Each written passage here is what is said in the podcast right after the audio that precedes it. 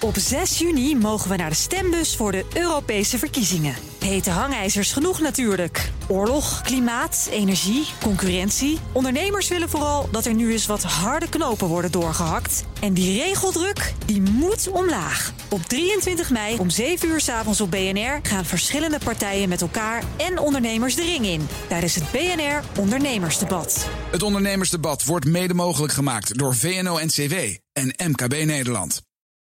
De Nationale Autoshow wordt mede mogelijk gemaakt door Leaseplan. BNR Nieuwsradio. BNR, de Nationale Autoshow. Meindert en Nout. In hoog tempo stapt uh, Dekra nieuwe testlocaties voor auto's uit de grond in Duitsland en Spanje. Ja, want uh, daar wordt de auto van de toekomst ontwikkeld. Allemaal onder leiding van een Nederlander. Welkom een uur lang alles over auto's en mobiliteit hier op BNR. Wouter is er vandaag niet bij. Zijn dochter heeft hem nu net even iets harder nodig dan wij. Heel veel sterkte daar bij ja. de familie Karsen. Meepraten doe je ondertussen met ons via Twitter, het BNR Autoshow. Volg ons natuurlijk ook, dan blijf je overal van op de hoogte. En straks in deel 2 Inolux Automotive, een van de grootste producenten van LCD-schermen en displays voor in je auto. Je ja. weet wel, dat grote scherm zo boven je, uh, in je dashboard. Ja, ja, op je middenconsole. Precies. Ja, ja. ja en, en daar is ook weer een Nederlander de baas. Nou ja, zeg, we zijn overal de baas van tegenwoordig. Ja, maar we hebben eigenlijk helemaal niet zo'n hele grote auto-industrie. Maar we hebben dus wel alle Nederlanders op hele belangrijke plekken. Dat vind ik wel Dus kun je zeggen, we hebben juist wel een hele grote Nederlandse auto-industrie van toeleveranciers. Hè. Maar goed, voordat we uh, gaan beginnen, eerst nog even dit. Komende vrijdag, 8 december, zet het alvast in je agenda. Wij zenden dan uit vanaf de Masters of Luxury. Ja. In de Rij Amsterdam. En ja. uh, bij de stand van Mercedes-Benz zijn we te gast. Ja. En uh, we mogen een aantal kaarten oh, ik weggeven. auto's. Nee, nee ja. dat was ook wel leuk ja, geweest inderdaad. Zeker. Jij een auto? Jij een auto, jij een auto. Waar kennen we dat toch van? Ja. Oprah Winfrey of zo? Oh nee, maar kaarten mogen we weggeven. Uh, wil je bij onze uitzending zijn? Mail ons autoshow.bnr.nl. Alsjeblieft ook je adresgegevens erbij. Want kunnen we gelijk de kaarten opsturen. En ik zal echt heel eerlijk zijn met verloten van die kaarten. Dus ik geef ze niet aan mijn ouders. We hoeven geen vraag te beantwoorden. nee, nee, we gaan gewoon loten. Nee? Autoshow.bnr.nl okay. plus adresgevers. Als je geen adresgevers erbij hebt, dan maak je sowieso geen Dat kans. is dan voor sommige mensen misschien wel de prijsvraag. ja. uh, gaan we snel door met Dekra. Het Duitse bedrijf heeft recent een nieuwe testlocatie voor auto's geopend in Zuid-Spanje. En ook in Duitsland komt er een groot testcircuit bij. Verantwoordelijk voor het wereldwijd testen van auto's, onderdelen, systemen... is de Nederlander Bert Zoetbrood. Hij is CEO van uh, Dekra Product Testing and Certification en ook de directievoorzitter van Dekra Nederland. Welkom, leuk dat u er bent. Dank u wel. Ja, u reist echt de hele wereld over voor uh, Dekra. Net terug uit China, heb ik begrepen? Ja, om uh, kwart voor zes uh, teruggekomen uit Guangzhou, China. Maar daar wordt ook getest? Daar wordt ook getest, ja. Hoeveel ja. faciliteiten hebben jullie daar? Maar als je praat over Greater China, ja. dus Taiwan en Hongkong en China, hebben we 22 laboratoria. 22, 22 alleen daar al. En dan wereldwijd, hoeveel moeten we dan aan denken? Dan moet je denken ongeveer 50. En okay. uh, dat, uh, dat groeit snel. We bouwen autonoom uh, snel. We hebben afgelopen jaar weer vijf laboratoria in China en drie in Europa en Verenigde Staten gebouwd. Ja. Okay, maar dus, dus bijna de helft van de testlocaties van de laboratoria in China. Waarom in China?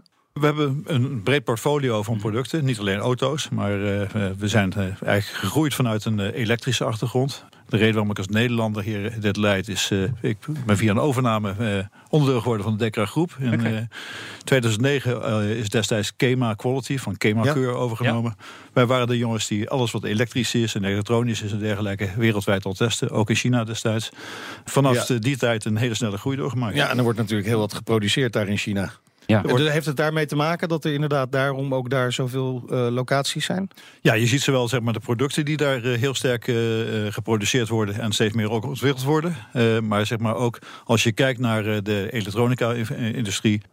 landen als Korea mm -hmm. en Taiwan zijn natuurlijk hele grote spelers op het gebied ja. van, van bouwstenen. Ja. Precies, en de producten zijn daar niet altijd even goed, weten we.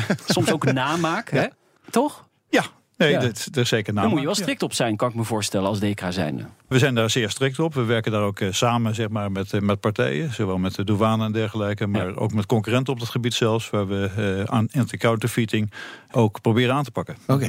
Okay. en jullie testen dus van alles en nog wat. Uh, of het nou gaat om stofzuigers, laptops, smartphones, kan je gek niet bedenken, haardrogers, dat soort dingen. Uh, maar ook, uh, en daarom zit u hier bij de Autoshow, ja. ook een hele stevige automotive branche hebben jullie. Hoe, hoe, hoe belangrijk is die voor Decra? Nou, voor Decra is dat in feite zeg maar raison d'être. Het bedrijf is in 1925 opgericht mm -hmm. en is op dit moment veruit de grootste in de hele automotive markt op het gebied van testen, inspecteren en certificeren. Ja. Hebben daar uh, 40.000 me medewerkers wereldwijd. En uh, hebben de ambitie om zeg maar de globale partner te zijn voor een veilige wereld. Ja. En gaat die, die stap extra nog komen? Dus dat je echt de grootste bent? Op het gebied van automotive zijn we de grootste. Ja. En op het gebied voor het uh, testen en certificeren zijn we op dit moment de vierde in de wereld. Okay. Uh, en het grootste niet beursgenoteerde bedrijf. Dus daar zijn nog wel wat stappen te zetten. Daar zijn nog stapjes te zetten, maar je moet niet altijd de grootste willen zijn. Hè? nee, maar, maar automotive is dus eigenlijk wel jullie basis. Hoe groot deel van de omzet komt daaruit dan? Uh, praat je op dit moment ongeveer over 60 procent van de totale okay. omzet. En de totale omzet is? Is uh, boven de 3 miljard op dit moment. Ja, dat zijn de aardige getallen die we zo uh, ja. om onze oren geslingerd krijgen. Als het nou specifiek over die auto's testen gaat, wat testen jullie allemaal? Wat doen jullie? Nou, het is een breed scala. Misschien eventjes op, op DECRA-niveau doen we zeg maar testen we eh, ondersteuning zeg maar, van de hele levenscyclus van de auto. Eh, traditioneel zit het heel sterk in het inspecteren en testen van, van auto's. Dan praat je mm -hmm. over APK's. We testen zo'n 28 miljoen voertuigen per jaar. Ik zit meer aan de kant van zeg maar, de nieuwe productontwikkelingen. Producten die op de markt gebracht moeten worden. Uh, en producten die daarna uh, wijzigingen uh, doorgevoerd worden. Ontwikkelingsfase eigenlijk nog. Ja, we ja. ondersteunen zeg maar, de testen voor de R&D-fase. En wanneer producten op de markt mogen komen. Ja, en dat kan soms vijf tot tien jaar nog zijn, zoiets? Bij de uh, toeleveranciers wel. Maar ja. als je kijkt welke kant het nu opgaat met elektronica, software, alles elektrisch, uh, ja. dan zie je over hele korte levenscyclus. En dat ja, uh, vinden wij ook heel erg leuk. zeker met iemand met een behoorlijke high-tech achtergrond, ook voor Nederlandse pareltjes gewerkt. Zie je op dit moment zeg maar levenscyclus van een paar jaar dat is de auto. Nou, ja, ik kan me voorstellen dat jullie extra veel werk hebben gekregen de afgelopen jaren. Want de ontwikkeling van de auto heeft natuurlijk ook enorme vlucht genomen. Ja, dat klopt. Op dit moment is, is de vraag zeer sterk. Wat je zelf ziet in, in, in het Verre Oosten, maar ook in Noord-Amerika, dat een heleboel spelers die zeg maar de ICT-markt hebben gezeten, producenten van, van laptops, van tablets en dergelijke, maar ook nieuwe spelers zoals Apple, die zie je allemaal naar de automotive industrie gaan. En dat komt uiteindelijk, het is een, ja, een, een, verzameling van 40 computers op een paar ja. wielen ja. met een grote batterij. en die kant gaan we op. Ja, maar wat is dan de allerbelangrijkste ontwikkeling voor jullie op dit moment? Waar focussen jullie, focussen jullie op? Nou, wij, wij, volgen uiteraard onze klanten. En we zien dat onze klanten op dit moment uh, zeg maar die slag gaan maken van de traditionele auto's. Uh, met combustion engine en ja. normale uh, motoren. gaan ze zeg maar naar, op het gebied van elektrisch is één beweging. De andere is zeg maar het automated drive, rijden. Mm -hmm. geautomatiseerd rijden, zelfstandig rijden. Deze aspecten spelen een grote rol. Ja. Daar speelt steeds meer en toenemende mate connectiviteit, zeg maar, mobiliteit een grote rol. Dus jullie focussen eigenlijk niet meer op de verbrandingsmotor, als ik het zo hoor? Nou, dat doen we uiteraard wel. uh, het, het, het, is zeker niet zo dat uh, de verbrandingsmotor, uh, zeker ook in de komende 10, 15 jaar, zal dat zeg maar mainstream automotive nog zijn. Ja, maar, maar die nieuwe technologie is natuurlijk ontzettend interessant. u zegt zelf dat u ook een beetje uit die techsector komt, hè? dat maakt het extra interessant. Nou kwam er een term voorbij die ik nog niet helemaal kende en ja, nee, nog niet helemaal begrijp. Vehicle to everything. Dat is een heel breed begrip, dat everything natuurlijk. V2X. Ja, ja. X. Ja. Nou, dat is onder andere wat we zeg maar, op de testlocaties op dit moment uh, testen. Uh, maar wat is het? Wat is het, ja? Vehicle to Everything is in feite dus de auto communiceert steeds meer met zijn omgeving. En dat betekent dat wij uh, overtuigd zijn als een auto werkelijk veilig gaat worden. Ja. op het moment dat hij adaptief zeg maar, blijft communiceren met zijn omgeving. Dat betekent dat hij informatie uit gaat wisselen met andere auto's. Maar ook met, zeg maar, met infrastructuur. Dan praat je over lussen in de snelwegen. Ja. Dan praat je over verkeerslichten. En daar zijn allerlei, zeg maar, wat wij noemen testprotocollen op dit moment uh, in ontwikkeling. Uh, die getest moeten worden, zodat die auto ook steeds meer zelfstandig kan gaan rijden. Maar in elk geval ook een stuk veiliger gaat worden. Ja, want de hele infrastructuur moet ja. aangepast worden natuurlijk. Met chips en zo erin waarschijnlijk, in die, uh, in die verkeerslichten. Ja, chips, maar ook zeg maar, de hele communicatieprotocollen. Hoe doe je dat? Is dat Bluetooth of zijn dat modernere standaarden van het ja. zogenaamde Internet der Dingen? Ja, ik wou zeggen, het is, eigenlijk is het een soort Internet of Things 2.0. zou je kunnen zeggen. Ja, wij Dan noemen, het zelfs, eh, verder. ja, wij noemen het zelfs het testen voor Mobility 4.0 op zijn Duits. Ja. Eh, wel zeg maar smart, mobility. Ja, smart mobility. Ja. Ja. dat is een bekendere term. Oké, maar dat is heel belangrijk. En een wel interessante eh, voorbeeld daarvan is GLOSA. Green Light Optimal Speed Advisory. Dat is een van die onderdelen. Dat is een, eh, in feite vroeger eh noemden we dat gewoon golf. de goede golf. Ja. En tegenwoordig is dat wat, eh, wat complexer. Vroeger werd gewoon gezegd van als je deze snelheid rijdt, dan Ja, hoef je dan- niet te stoppen. precies. Eh, inmiddels gaat dat op een andere manier, waarbij je zeg maar eh, eh, communicatie met infrastructuren krijgt. Ook wordt gekeken wat is de gemiddelde snelheid van de werkelijke auto's, waar stoppen ze en dergelijke. Het is een van de vele protocollen waar op dit moment die vehicle to everything eh, wordt getest. Zometeen uren, dagen, soms test Dekra auto-onderdelen wekenlang of ze veilig genoeg zijn. Bijvoorbeeld misschien ook wel batterijen en wat er allemaal mee gebeurt.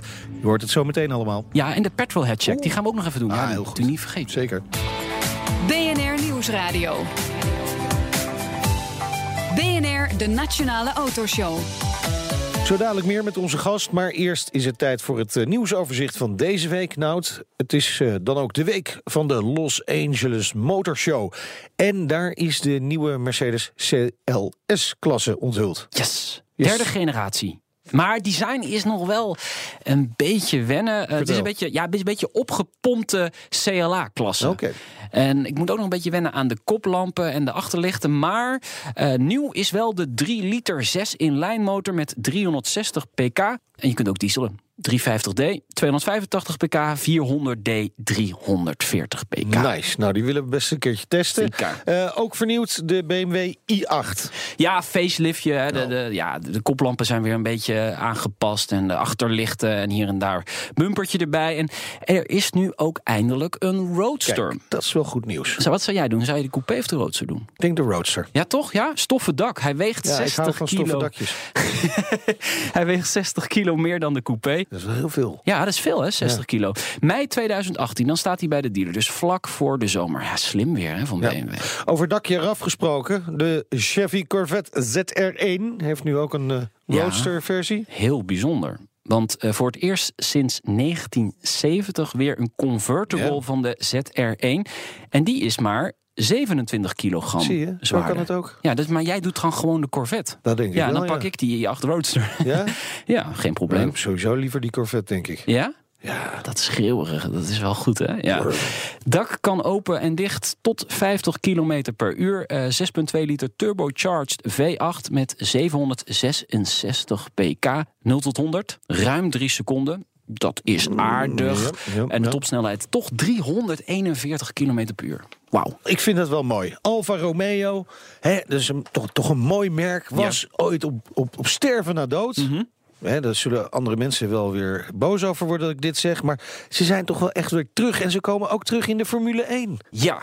Terug in de finale. De merknaam Alfa Romeo die stond natuurlijk wel al op de bolides van Ferrari. Ja, Maar- zo piepklein. Dat kon je bijna niet zien. ja. Maar mag je dan wel echt van een terugkeer spreken? Ja, vind, Nou, ja, ja, ik vind nu als ze echt een team echt Alfa Romeo gaat heten... Ja. Sauber, Alfa Romeo Sauber, F1. Ja, dan vind ik dat wel. Ja. Dan moeten ze natuurlijk ook nog uiteindelijk eh, eh, verder, stappen verder gemaakt. Maar goed. Het is allemaal niet zo heel erg verrassend. Sauber heeft natuurlijk eh, financieel gezien veel tegenslag gehad. Weet je nog die hele affaire met Guido van der Garde? Die zou instappen en toch weer niet. En die heeft toen een afkoopsom gekregen. Nou, het wordt nu een soort satellietteam van Ferrari. Dat betekent dat daar hoogstwaarschijnlijk ook ja, de Ferrari-talenten worden gestald. Dus Ah. Giovinazzi, mooi uitgesproken. Zeker, En eh, Leclerc, maar dat is gewoon een Fransman. Oké, ja. Die komt Ja. daar misschien in een stoeltje te zitten. De Petrolhead Check. Die doen we ook met eh, Bert Zoetbrood, baas van Dekra, Product Testing and Certification en directievoorzitter van Dekra Nederland. Klaar voor het vragenvuur. Ja. Moet maar, hè? Welke auto geeft u uw kinderen cadeau als ze 18 jaar worden? Ik heb ze gelukkig geen auto hoeven geven, want ze hebben een treinkaart gekregen van de minister van Onderwijs. Ah, ze studeren. Maar af en toe vragen ze wel mijn, eh, mijn leuke speelgoed erbij en een cabrio in het weekend. Oh, en welke is dat? Mercedes E. Oh, mooi. Oké, Ja, vooral als het mooi weer is natuurlijk. Zeker. Ja, Aan- precies. AMG-pakket? Heerlijk. Eh stylingje. Ja, goed, ja. Aan, eh, aan welke auto denkt u eh, met de meeste weemoed terug? Ja, eigenlijk mijn eerste auto. Als student gekocht. Een Ja. eh, Renault 5, een Oh. oranje. Oranje. En, dat is wel eh, bijzonder. ja. Die zie je niet heel veel. Hele Nee. speciale band. Nou, destijds waren ze iets populairder. Ja, ja, ja, ja, is sowieso de Renault 5. Maar ik, ik meen me te herinneren dat ze heel vaak rood waren in die tijd. Maar goed, dat, eh, Even opzoeken. ook, ook toch wat oranje. Wat Ja. is uw reële droomauto? Dus reëel een beetje betaalbaar. Ja, dat was eh, de afgelopen jaren eh, de Tesla. Ja. Eh, maar inmiddels is dat eh, een i8 eigenlijk. Eh, Ja. Toch groen, en elektrisch. Wat, wat, wat heeft de overstap bepaald? ja, wil ik ook in wel de gedachte dan. dan in elk geval? Ja, ik vind hem eh, iets exclusiever op dit moment. Dat is waar, ja. Ja. Hij heeft net een facelift gehad. Ja, precies. Ja, nieuwe bumpers, Ja. nieuwe koplampen. En er, en er komt een roadster. Wat zou u kiezen? Een coupé of een roadster? Van de i8. Ja, ik, ik denk toch de coupé. Eh, Ja, ja, dat vind ik op zich. Ik, ik, ik ben van de stofdakjes, maar eigenlijk is een coupé beter. Hè? Eigenlijk wel, want die is lichter. Die is lichter. Precies. Wat maken we ervan, Nout? Ja, ik vind het eigenlijk wel uitstekend, toch? Of, Ah, dat, Uitmuntend. die AMG staalpakket, dat heeft het gemaakt. Ja. dat deed het hem. mooi Dat was matje. de- ja, ja. precies. De Petrohead Check met eh, Bert Zwarthoed, CEO van Product eh, eh, Testing and Certification bij Decra. Ook de directievoorzitter van Decra in Nederland. We praten over testen van systemen, onderdelen van nieuwe auto's.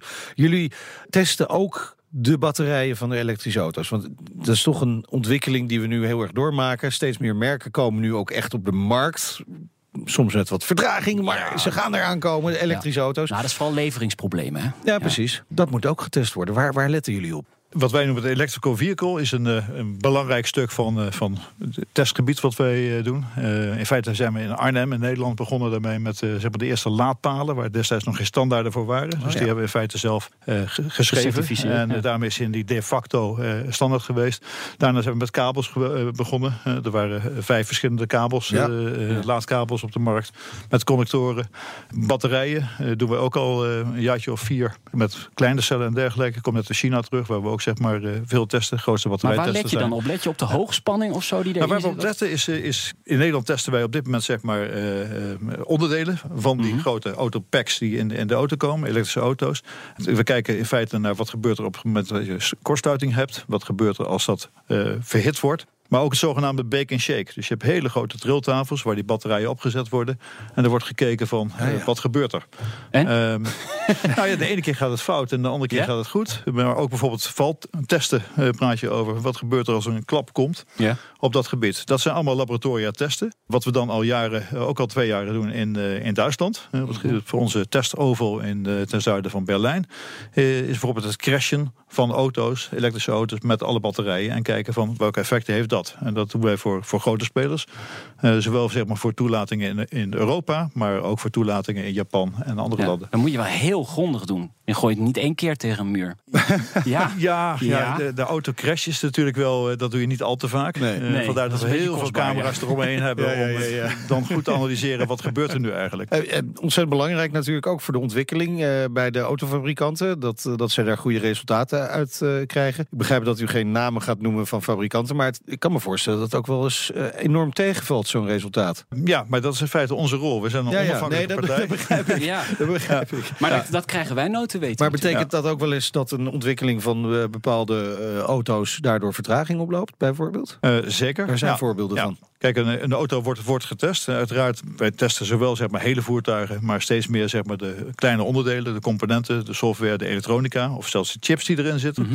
Je ziet daar dat toch wel dat daar eh, ja, niet alles gaat er doorheen. In feite, zeg maar in het algemeen, praat ik niet alleen maar over autocomponenten of auto's, eh, zie je dat eh 65% eh, niet door de eerste testen heen komen. Niet door de eerste Ja. test. Zo, dat is best nog hoog. Dat is ontzettend hoog. Twee derde. Ja, en in bepaalde gevallen kan het zelfs ook hoger zijn hoor. Maar dat is soms Ja. wat trial and error. eh, wat En eh, hoe, hoe komt dat dan? Zijn die fabrikanten dan zo innovatief bezig dat ze niet kunnen voorspellen of iets erdoor komt? Of zijn ze in eerste instantie eh, te veel bezig met op de centjes te letten dat ze wat mindere kwaliteit leveren? Ja, dit is een combinatie. Ik denk dat, eh, dat zou ik ook zeggen. ik, ik, ik denk dat de, de, de, de OEM's, zeg maar, de, Ja. de autofabrikanten, eh, steeds meer afhankelijk zijn zeg maar, van de toeleveranciers. Ja. En de toeleveranciers leveren zoveel componenten, duizenden, tienduizenden componenten. En die moeten allemaal met elkaar kunnen samenwerken. En dat is denk ik eh, afhankelijk van wat je test. Steeds meer zeg maar, de kleine bouwstenen. Op het moment dat alles dan bij elkaar komt. Uh, praat je ook over software, elektronica. Uh, dan wordt het complexer. En uh, uiteraard wordt er goed getest vooraf. Uh, maar in een testomgeving of laboratorium krijgen we toch weer andere zaken eruit. En ja. het is ook onze rol om nou, daar zeer strikt in te zijn. Ja. Dat zijn we ook. Ben ik, ben ik als fabrikant verplicht om bij jullie te komen testen eigenlijk? Nee, het is sowieso geen verplichting om bij ons te testen. Nee. Want we zijn geen, geen overheid. Er is ook geen verplichting. Wat wel het geval is dat Europa ervoor gekozen heeft voor bepaalde producten. Mag je een zelfdeclaratie geven. En er zijn andere producten, uh, medische apparatuur, maar ook auto's uh, die verplicht en explosiegevoelige apparatuur die verplicht zeg maar, door een onafhankelijke partij getest ja. moeten worden. Nou, wij zijn een van die partijen op veel, uh, vele gebied. bij auto's is het natuurlijk wel zo dat zeg maar, het uiteindelijke certificaat, de zogenaamde e-marking, e-markering, in Nederland E4 van de RDW, in Nederland door de RDW ja. wordt afgegeven, maar in Duitsland bijvoorbeeld door een overheidsinstantie. Ja. Een van de zaken die jullie ook testen is EMC. We hadden het er net al heel even over. Elektromagnetische compatibiliteit. Goed zo, Meijnerd. Mooi, hè? Ja, goed ja, uitgesproken. Ja, ja. Uh, wat is dat voor test precies? Nou, het is niet specifiek voor auto's alleen. Het is in feite uh, en alle elektrische en elektronische uh, onderdelen... die kunnen elkaar negatief beïnvloeden. bijvoorbeeld, iedereen kent wel dat als je een mobiele telefoon vroeger had... en ja. je hield die vlak bij een radio ja. of bij een televisie, dan stoorde dat. Hoe ja. komt het dat dat niet meer zo is? Want we hadden dat vroeger ook, als dat bij een microfoon gebeurde... dan ging die ook een beetje raar doen. Dat is niet meer zo. Nou ja, omdat die getest wordt door bedrijven als... Als, als gewoon, dat, dat, is dus gewoon opgelost op die manier. Hoe los je dat dan op? Je test in feite veel, uh, zowel de bouwstenen als de producten zelf... Uh, of die uh, negatief elkaar kunnen beïnvloeden. Dat is één. En het tweede is om dat te voorkomen... praat je over elektromagnetische immuniteit. En dan ga je dus kijken... hoe kan je voorkomen dat zeg maar, producten een negatieve effect hebben. Om een voorbeeld te geven, wij testen ja. in Arnhem, bijvoorbeeld ook EMC. Mm -hmm. Vijf maanden geleden hadden we een, een bus ja. staan. En die werd aangestraald in onze open area testsite. Vervolgens uh, gaat er een proces op gang komen en de bus gaat zelf rijden. Nee, en, echt? Ja, dus je ziet toch wel dat dergelijke zaken... hoe, hoe kan dat? Ja, hoe kan dat? dat? Dat is toch invloed van zeg maar straling. Ja. In, in dit geval wat effect heeft zeg maar, op de onderdelen van een dergelijk voertuig. Levensgevaarlijk natuurlijk. Uh, als dat niet onder controle is, is het levensgevaarlijk. Ja. Maar het lijkt me ontzettend ingewikkeld. Want er zit nu tegenwoordig zoveel apparatuur in ja. een auto... dat heel veel communiceert.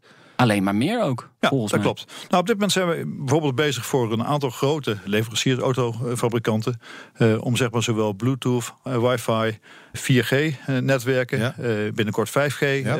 testen, om die uit te voeren.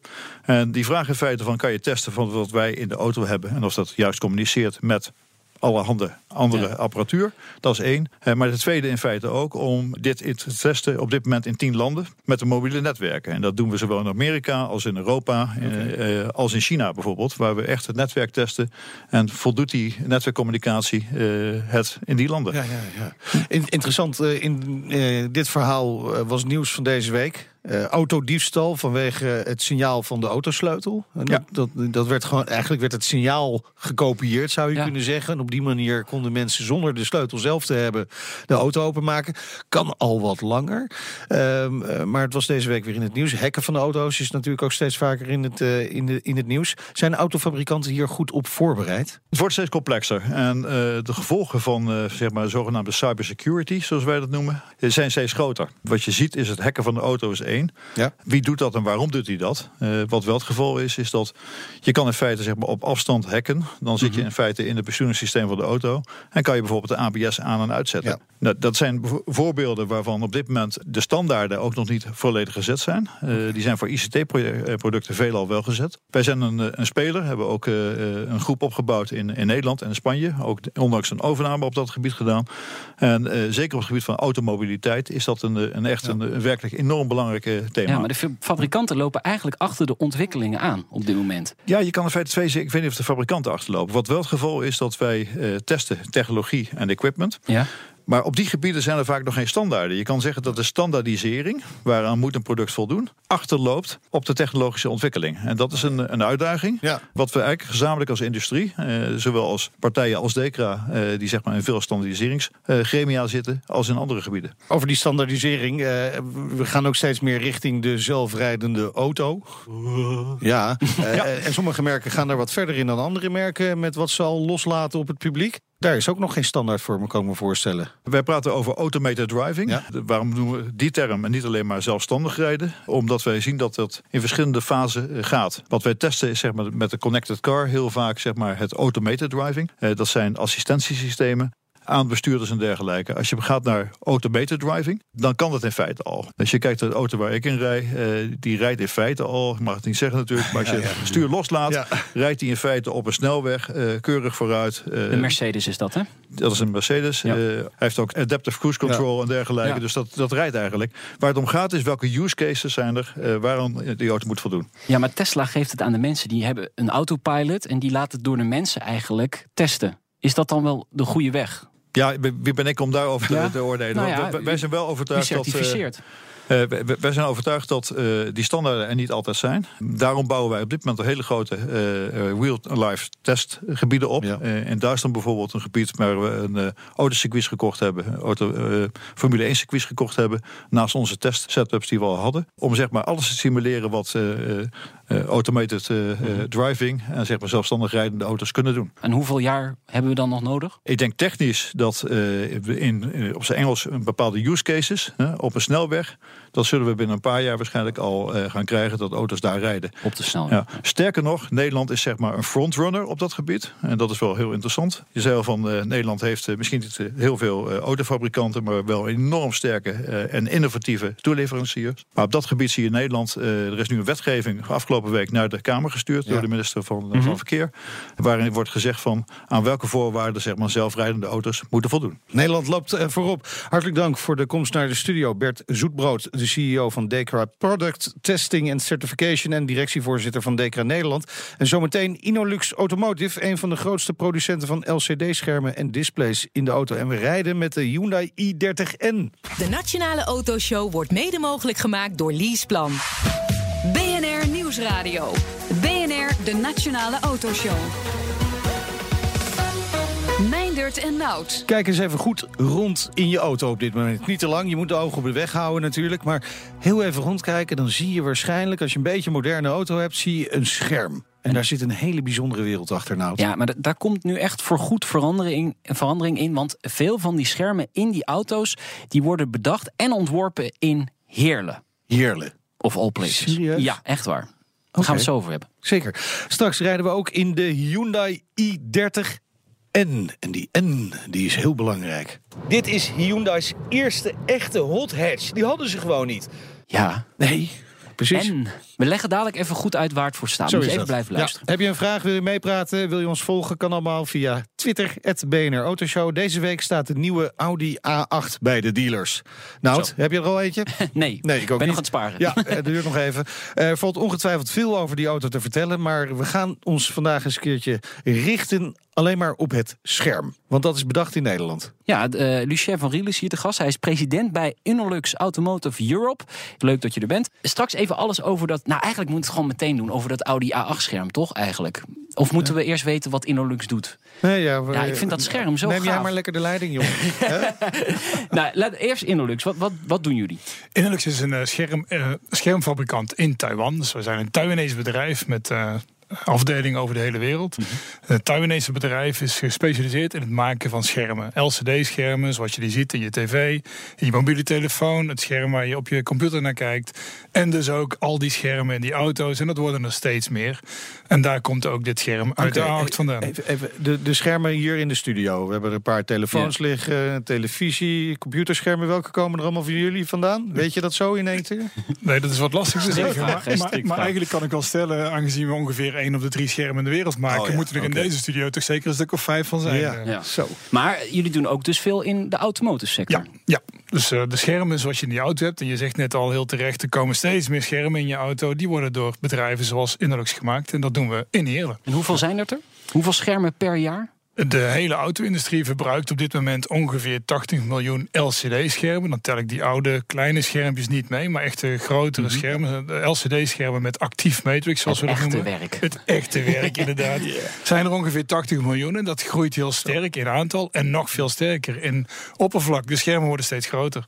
Ik zag net even je- jullie portfolio. Je liet even wat zien op je, Ja. op je, op je schermpje. Ja, precies. Eh, dat. welke automerken jullie bijvoorbeeld allemaal bedienen. Maar ik zag daar opeens ook de Space Shuttle tussen vliegen. Ja, dat is natuurlijk een heel, eh, heel oud ding geweest, Ja. maar wel heel erg leuk. Dat is iets eh, inderdaad wat heel lang geleden in onze voorgangers eh, is gemaakt. Ehm, en dat heeft echt zo gevlogen. Dus de Ja. cockpit van de Space Shuttle is ook voorzien geweest van schermen uit de voorgangers van dit bedrijf. Hij is niet uit de lucht gehaald omdat de schermen niet goed genoeg Nee, waren. ja, daar kun je natuurlijk hele pijnlijke vragen over stellen. Maar nee, daar hadden we niks mee te Oké, maken. daar hadden jullie niks mee. Nu even dat Audi A8-scherm, want eh, d- dat wordt bij jullie bedacht dus eigenlijk in Heerlen. Ja, dus de interactie tussen eh, Audi eh, en ons bedrijf eh, leidt tot het product zoals Ja. het vandaag in de markt staat. Maar dat is al vier, vijf jaar geleden Oké, begonnen. Want Audi komt bij jullie, kan ik me zo voorstellen. Joh, Innerlux, wij willen eh, een scherm. schermpje. Mooi scherm. Het is, een, het is een belangrijke auto voor ons. Hè. Benchmark. Vlaggenschip. Een vlaggenschip. Ja, Moet een topscherm zijn. Alles moet die kunnen. Eh, dit is wat we willen allemaal. En zo moet het er ongeveer En uitzien. dit is het geld. Zoiets? Hop. Ja, dat laatste helaas niet zoveel. maar Eh, ja, nou goed. En inderdaad, een OEM als een Audi, maar ook vele anderen, zijn op zoek naar oplossingen. hè. Audi had voorheen een, een knopje, net zoals verschillende andere OEM's hebben. Een knopje waarmee je de besturing kon doen. En Audi wilde duidelijk een andere richting op. Meer touch gerelateerd, zoals we dat eigenlijk ook van een iPhone al jaren gewend zijn. Die willen vieze vingers op de schermen. Nou, dat dan weer niet. Hè. Daarom maken we ze ook easy to clean, zo gezegd. Hè. Dus eh, geen Ja. anti-fingerprint, maar wel easy to clean. Die OEM is op zoek naar een oplossing waarbij die dat knopje niet meer nodig heeft. Wil een touch-oplossing. In een grote A8, waar het scherm eigenlijk ver weg is, moet er een oplossing gevonden worden waarbij dat goed functioneert.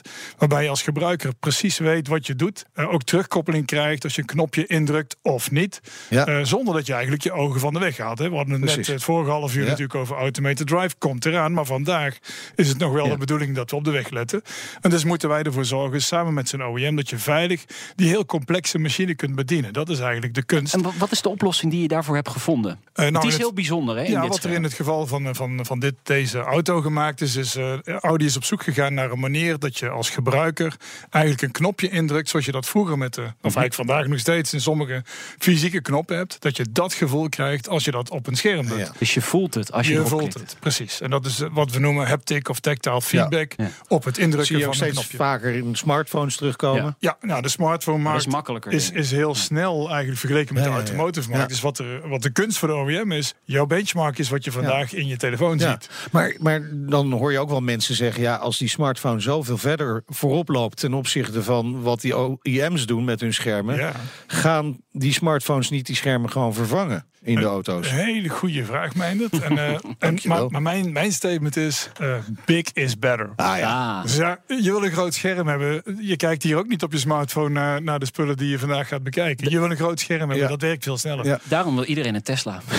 Die Ja, het grootste ja, dat is- scherm van allemaal natuurlijk. om- Ja, dat is één, niet, eraf heel valt. interessant topic, ja. ja. ja, Ja. Dat scherm maken jullie ook, hè? Het, de, het LCD-scherm van de Model S eh, komt ook van ons, Ja. eh, van ons af. Oké, Ja. maar wacht even. Dan heb ik wel even een klein kritisch puntje hier. Kom maar op. Want ik heb ook wel met die Tesla gereden. En eh, ja, het is een mooi groot scherm. Ja. Maar de werking ervan vind ik niet echt fantastisch. Ja, dus Is, is het, wat, het moet een premium auto zijn. Je betaalt er genoeg voor. Hè? Ja, Meer dan dat een klopt, ton. ja. ja. Hebben ze dat ook voor het scherm betaald? waarschijnlijk wel. Nee, maar is dit het beste scherm dat jullie eh, ooit hebben gemaakt? Nee, zeker niet. Zeker niet. Ik denk als je het vergelijkt tussen de twee auto's die we, die we net noemden, is een heel duidelijk verschil in, eh, in image quality, als in beeldkwaliteit van die twee schermen. Maar bedenk wel, A8 staat vandaag voor het eerst bij de dealer. Ja. En de Model S was dat drie jaar geleden al. Ja. Dus daar zit continu verbetering in. Ook in de manier waarop je het kunt bedienen. En ik denk dat jouw eh, gevoel van de Model S meer is, hoe werkt het tezamen? En dat is juist het belangrijkste punt, de man-machine interface. En zoals het mooi in het Engels heet, eh, die moet heel goed zijn. Je hebt geen tijd en geen kans om het boekje te Nee, lezen. Doen nee. we sowieso niet. Maar je hebt wel een heel complexe machine in je hand. En die steeds ingewikkelder wordt. Ja. En eigenlijk wil je toch dat je als gebruiker instapt. eh, nou, je sleutel heb je al niet meer nodig. Maar wel meteen kunt wegrijden en alles kunt bedienen. Maar is het dan zo gewoon niet van hoe, hoe meer geld ik er tegenaan gooi, hoe beter het scherm wordt? Nou, in elk geval zeker mooier. Ja, Mooier, ja, ja? zeker. zeker Maar, ja.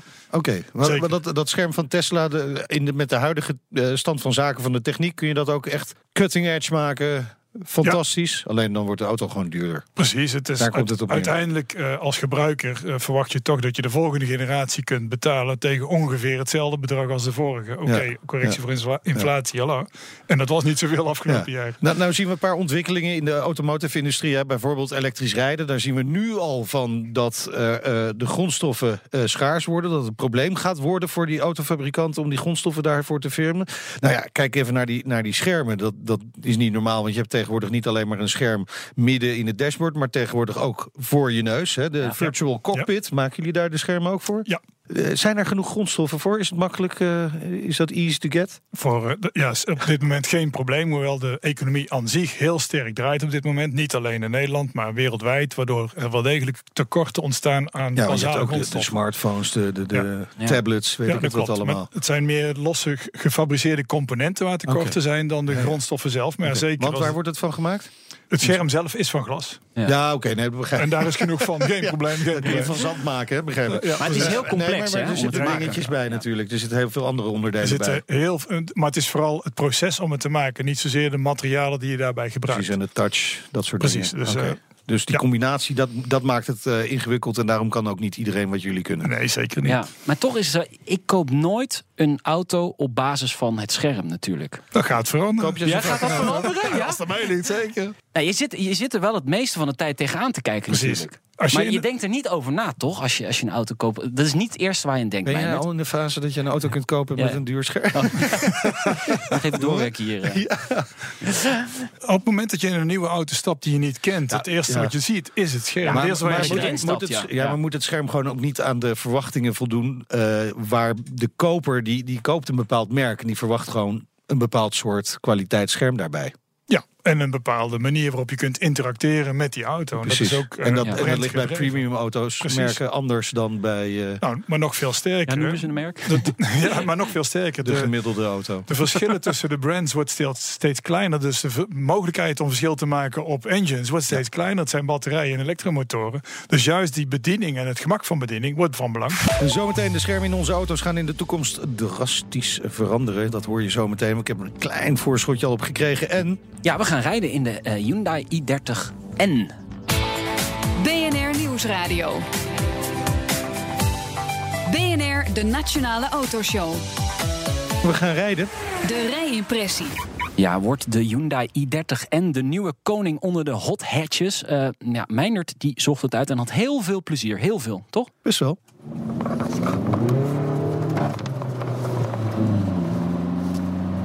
Ja, gaat al lekker.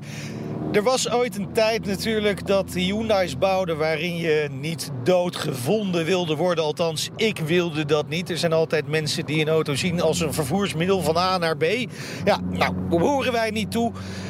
Maar Hyundai is toch wel een paar stappen vooruit gegaan. Hè?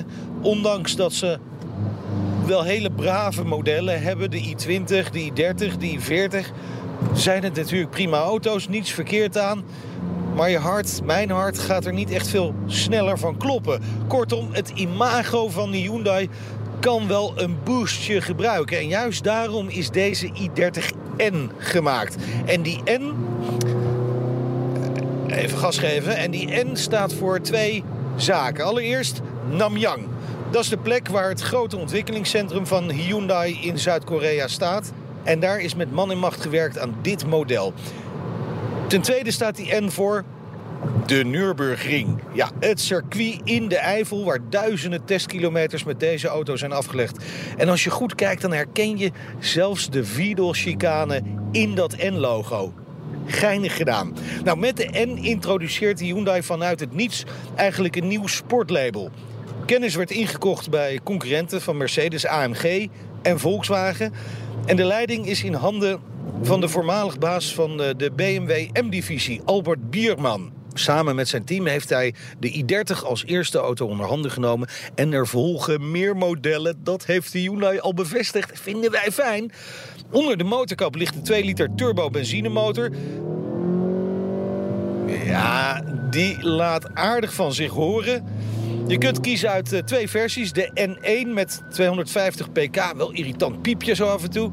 En de N2 met 275 pk. Je raadt het al, meer pk's altijd beter. Wij kozen dus voor die laatste, inclusief het Performance Pack. Nou, de auto is in deze geval vuurrood. Zwarte spoiler achterop. Speciale Pirelli P0 banden. 19 inch lichtmetalen velgen met rode remklaartjes. Nou, een handgeschakelde zesbak. Launch control. Automatisch tussengas. Altijd leuk. Elektronisch geregeld sperdifferentieel op de vooras. En nog een mooi detail. In de spoiler zit een driehoekig remlicht verwerkt. En dat is natuurlijk een knipoogje naar de racerij. Leuk bedacht. Nou, met de uitstraling van dit model zit het dus wel snor. Geldt ook uh, voor de rij-eigenschappen eigenlijk wel. En die zijn verrassend goed. Vergeet niet, dit is Hyundai's eerste echte hot hatch. Die hadden ze gewoon niet. Nou, die i30N die stelt zeker niet teleur. Hij plakt aan het asfalt en stuurt gewoon lekker strak de bocht in. En van het onderstel tot het motorgeluid. Hyundai geeft je de mogelijkheid om vrijwel alles zelf in te stellen. Met behulp van uh, verschillende rijmodi kun je zelf bepalen of en hoe je de grens opzoekt met deze auto. Vraag is natuurlijk, kan deze i30N het opnemen tegen de gevestigde orde? Golf GTI, Megane RS? Nou, hij komt eigenlijk wel heel erg dicht in de buurt. Maar ja, het is en blijft wel een Hyundai. Heeft geen heritage, hè?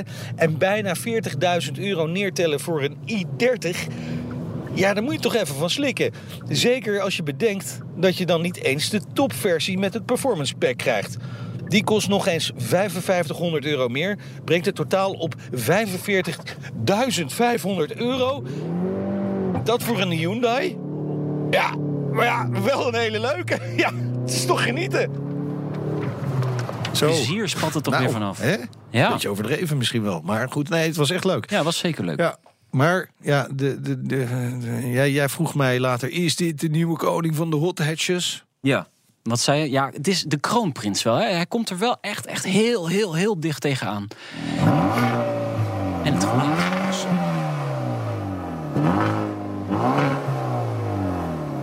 Ja, ik heb wel eens beter. Nog beter. Ja, maar ja, ik ook wel. Maar met zo'n geluid ja. heb je eigenlijk geen scherm meer nodig. Nee. oh, er wordt iemand heel erg pissig hiernaast me. Even één belangrijk minpunt. Ja. Uh, geen flippers. Ja, bij deze versie inderdaad is, niet. Ja, en, en, ja, jij, jij stapt daar zomaar overheen. Jij vindt dat geen enkel ja, probleem? flippers was wel handig geweest ja, inderdaad. Man, ja. Man. En, en, en geen achterwielaandrijving. Dat zou ook heel leuk zijn geweest. Ja, echt dus, alle dus uh, mooi, mooi, uh, mooi, leuk ding. Leuk eerste project inderdaad, Precies. zeker. En, en nu mooie stappen gaan maken Precies. Oké, okay, dan komen we bij het eindoordeel. Hele mooie velgen. Zeker, Zeker. had hij ook. 19 inch. Ja, leuk. Lichtmetaal. Zo is dat. BNR Nieuwsradio. De Nationale Autoshow. Dan praten wij natuurlijk verder met uh, Lucien van Riel. Hij is president bij Inolux Automotive Europe, Europe in Heerlen. Uh, en dat bedrijf maakt jaarlijks 20 miljoen LCD-schermen en displays voor auto's. En ik maakte natuurlijk net een heel flauw grapje over uh, als je een mooie snelle auto hebt, dan heb je geen scherm meer nodig. Maar goed, vroeger was het natuurlijk helemaal niet. Had je helemaal niet zo'n scherm nodig. En, Nee. en, en er zijn ook wel mensen, er zijn ook af en toe wel auto's die worden gemaakt voor pure autorijden. En dan wordt alles eruit gesloopt dat er maar een beetje gewicht heeft. Dus ook zo'n scherm, want ik kan me voorstellen dat er toch ook wel wat gewicht eh, meegaat. Sommige zijn behoorlijk zwaar. ja, maar dat, dat tikt wel aan. Maar gelukkig zijn die auto's die je net noemde eh, erg klein in het aantal volume. Dus ja, ja, daar dat, jullie geen mag, last dat van. mag voor mij. Dan Ja, vind ik ook leuk om te zien. En de rest stoppen we lekker groot scherm in. Ja, ja dan zeg je groot. Groot scherm. groot. Ze worden steeds groter. Zeker. Is dat de belangrijkste ontwikkeling van de schermen? Dat is een van de belangrijkste topics. Een groot scherm wat toch eh, een heel goed eh, eh, beeldkwaliteit geeft. Eigenlijk zoals je gewend bent van je iPhone. Dat is al voor iedereen, er, of een vergelijkbare telefoon. Maar dat Ja. is de referentie die mensen Ja, hebben. dat is wel grappig, want ik heb een telefoon met een letter X erin. Ja. En die kan bijvoorbeeld mijn gezicht herkennen. En dan gaat hey, het werkt, gaat open. Eh, gaan we dat bijvoorbeeld in auto's ook krijgen? Dat je gewoon instapt en de auto herkent mij gelijk en eh, denkt, nou joh, Ja, we zeker. gaan rijden. Ja. Zeker, dus bio- biomedische identificatie is zeker een topic. Gaat maar, hij gelijk in een eh, sportstandje? Ja, maar op- op- ja, precies. Of jij instapt of je vrouw. Ja. Dat maakt nogal een verschil. Ja, mijn vrouw gaat hij veel sneller nog Ja, waarschijnlijk. precies. Dat Ja. dacht ik al. Maar ook gebaren en zo. Ja, ja dus eh, de, de vraag is inderdaad hoe, eh, hoe interacteer je met die machine? En liefst met zo weinig mogelijk knopjes en diepe menus waar je allemaal in moet zoeken. Het moet eigenlijk heel intuïtief zijn. En daar is gebaren een van de voorbeelden van. Er zijn al wat auto's in de markt Ja. die gebaren herkennen. Ja. Daar worden camera's voor gebruikt. Eh, we kunnen dat ook met het scherm. Dus een touchscreen kan ook gebruikt worden om te zien dat je hand in de buurt is en een, en een swipe geeft. Waardoor je van links naar rechts kunt gaan of dat soort in in je minuutjes. Ja. Maar de, de bedoeling is uiteindelijk die hele interactie met met die auto heel veel mogelijkheden te geven, maar met zo weinig mogelijk na te denken. Ja, maar uiteindelijk gaan we natuurlijk allemaal autonoom rijden. Dan gaan Ja. we onze stoel gewoon Speak draaien. for yourself. Ja, nou ja, dat, als we dat ooit gaan doen, inderdaad. Ja, die, die, die paar rijders die dat zelf blijven doen, dat, dat, dat laten we aan mij, dat is geen probleem. Dan, dan gaat er natuurlijk zoveel veranderen. Want we zitten gewoon omgedraaid waarschijnlijk. eh, ja, waar zitten we naar te kijken? Naar elkaar waarschijnlijk dan? Of zo? Ja, nou, Nou, dat scherm natuurlijk. Nee, ja, of van hem. niet als je zit, omgedraaid zit in de, in de auto. Dat is geen ramp. We hebben ook nog een achteruit, maken we daar een scherm van. Ja, nou dat is wel interessant natuurlijk. Hè? Want in, in, in, eh, als mensen vooruit gaan kijken, dan is die hele ruit zou je natuurlijk ook kunnen gebruiken dat- dat om een informatie mee te Een delen. heel mooi, een heel mooi idee. En het is Ja. ook iets wat, wat geprobeerd wordt. Je hebt natuurlijk al head-up displays Ja. met een heel klein stukje. Je zou inderdaad op het moment dat je niet zelf rijdt... de hele voorruit als een groot bioscoopscherm kunnen Ja. gebruiken. En dan heb je eigenlijk heb je juist die, die, die bewegingsherkenning nodig om dat te kunnen bedienen. kan ik me ja, voorstellen. Precies. Je hebt op, op dit moment geen muis en toetsenbord tot je beschikking. En dat lijkt me ook geen goede oplossing. Nee. Dus daar moeten zeker eh, dit soort dingen eh, voor gebruikt Maar worden. even realistisch, want de- dan wordt het nog duurder. Als je dat soort technologie moet gaan verwerken in een auto, die, die autonome auto, die wordt dan gewoon, niet- die kunnen we gewoon niet meer betalen als het op deze manier Ja, doorgaat. dat is natuurlijk. inderdaad de challenge voor de industrie, voor ons en voor de OEM... om dit soort dingen toch betaalbaar te houden. Want Ja. inderdaad, de techniek biedt heel veel mogelijkheden... maar het moet wel betaalbaar blijven. Dat is nu al een, een strijd op zich, denk ik, met Ja, zeker. fabrikanten. Zeker. Dat Ja? is, eh, wat, wat, kost de ontwikkeling van een scherm? Het hangt natuurlijk heel sterk af van wat, wat iemand vraagt. Maar je moet al gauw 10 miljoen dollar op tafel leggen... voordat je een eerste product op tafel Zo. hebt. Ja. Serieuze investering natuurlijk. Ja, Alleen maar voor het scherm. Alleen maar auto's voor het verkopen om dat terug te verdienen. Ja. En hetzelfde geldt natuurlijk voor heel veel andere componenten. Dus een eerste auto, eh, het eerste, eerste product Ja. Wat een OEM maakt... de eerste sample die die maakt... daar zitten er misschien wel 10.000 componenten... in die allemaal dit soort investeringen moeten doen. Vandaar dat het een miljardenbudget is voor een nieuwe auto. Ja. Nou kan ik me voorstellen dat het allemaal, en dat is het waarschijnlijk ook, eh, het allemaal complexer wordt. Hè, omdat eh, Ja. er gewoon meer mee moet gebeuren met dat scherm. Moet meer informatie leveren, moet meer met onszelf communiceren. Allemaal complex.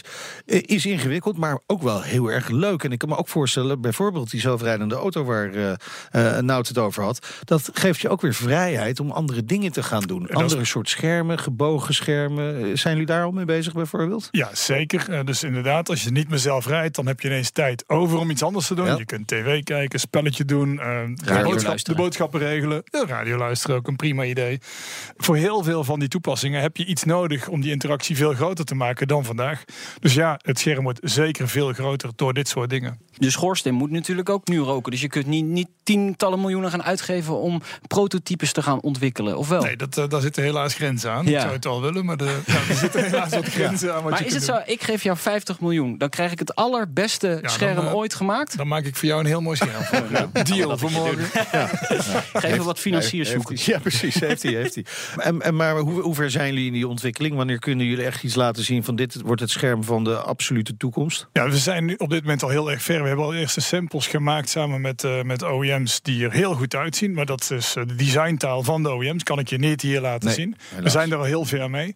En we zijn eigenlijk in staat om binnen nu en een jaar hele mooie grote schermen te laten zien. Waarbij het, zeg maar, de designtaal van de cockpit gevolgd wordt. Hè? Want de tv die krom is, daar zie ik het nut niet van in. Je bent Nee. blij dat die eindelijk plat Ja. op de muur past.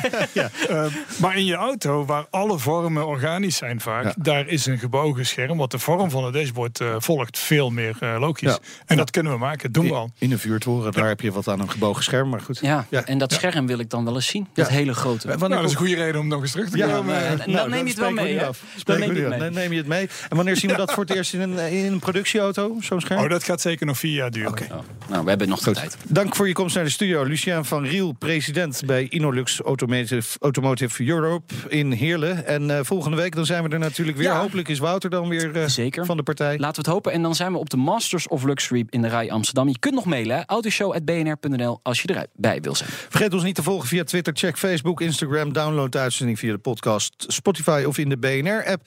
De Nationale Autoshow wordt mede mogelijk gemaakt door Leaseplan.